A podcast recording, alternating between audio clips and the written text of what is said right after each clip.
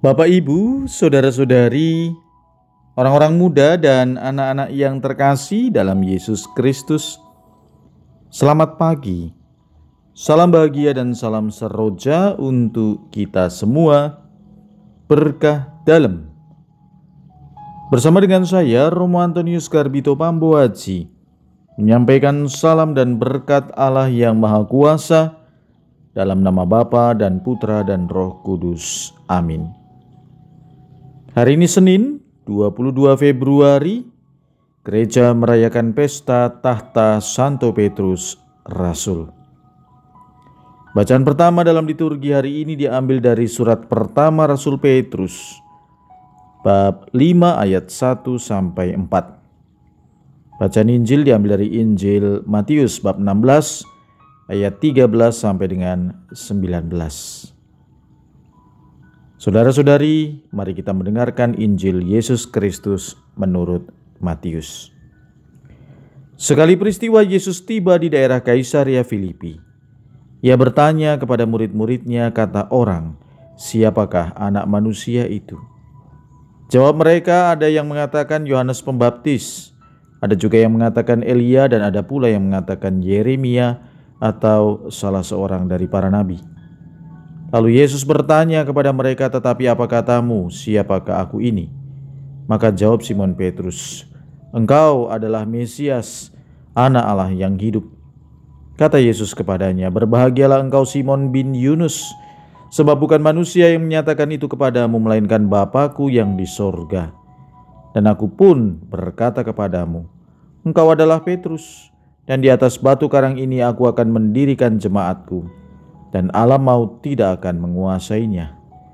Kepadamu akan kuberikan kunci kerajaan sorga.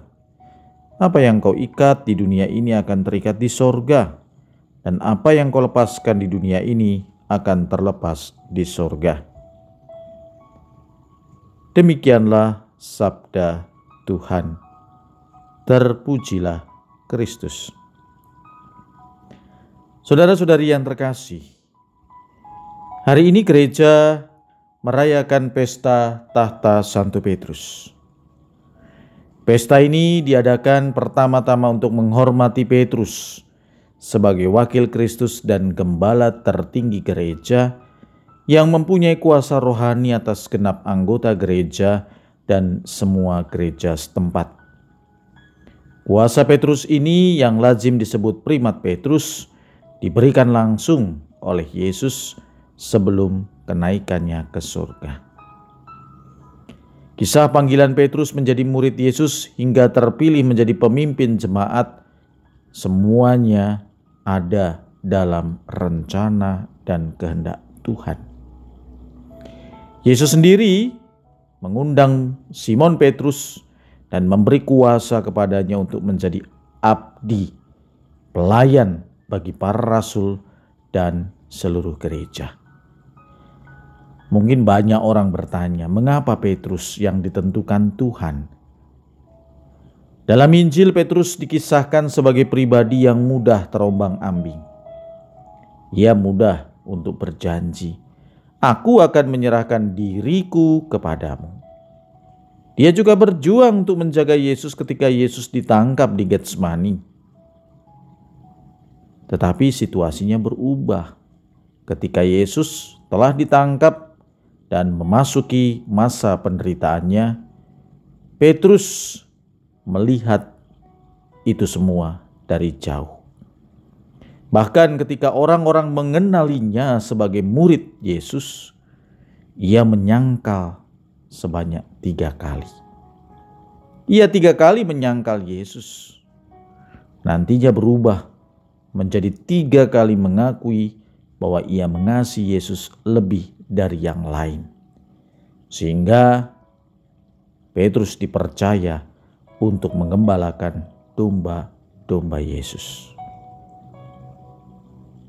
Dalam Injil hari ini Petrus sebagai murid menunjukkan keotentikan dirinya.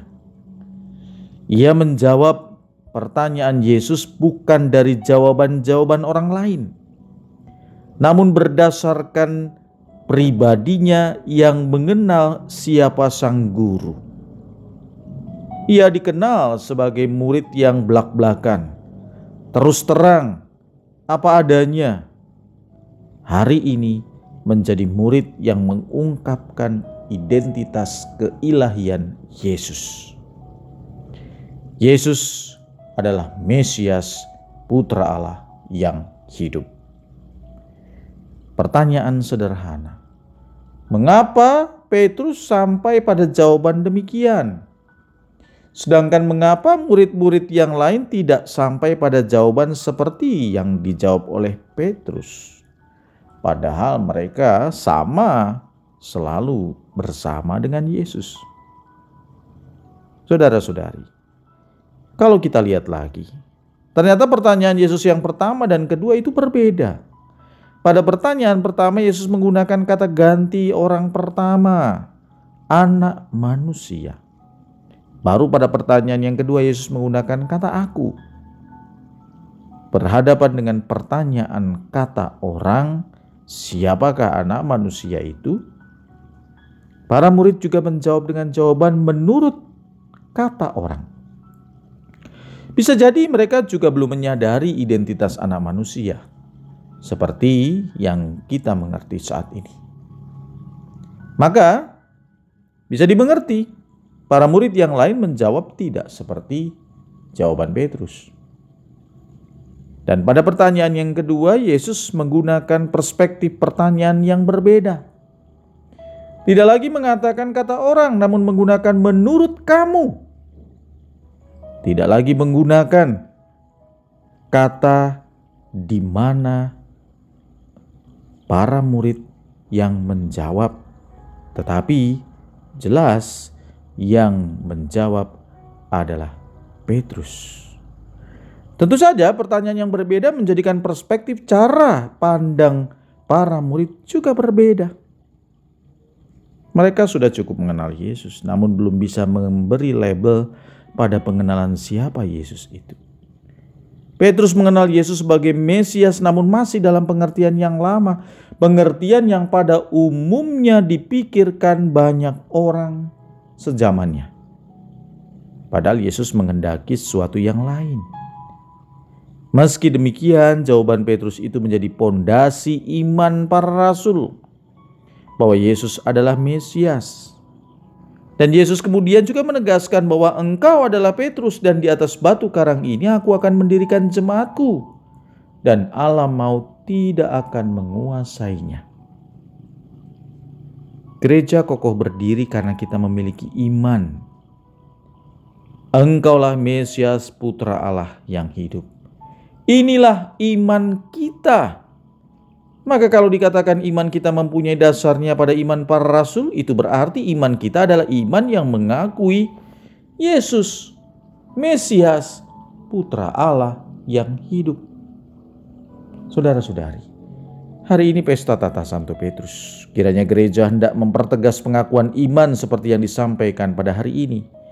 Tahta Petrus bukan pertama-tama kedudukan terhormat.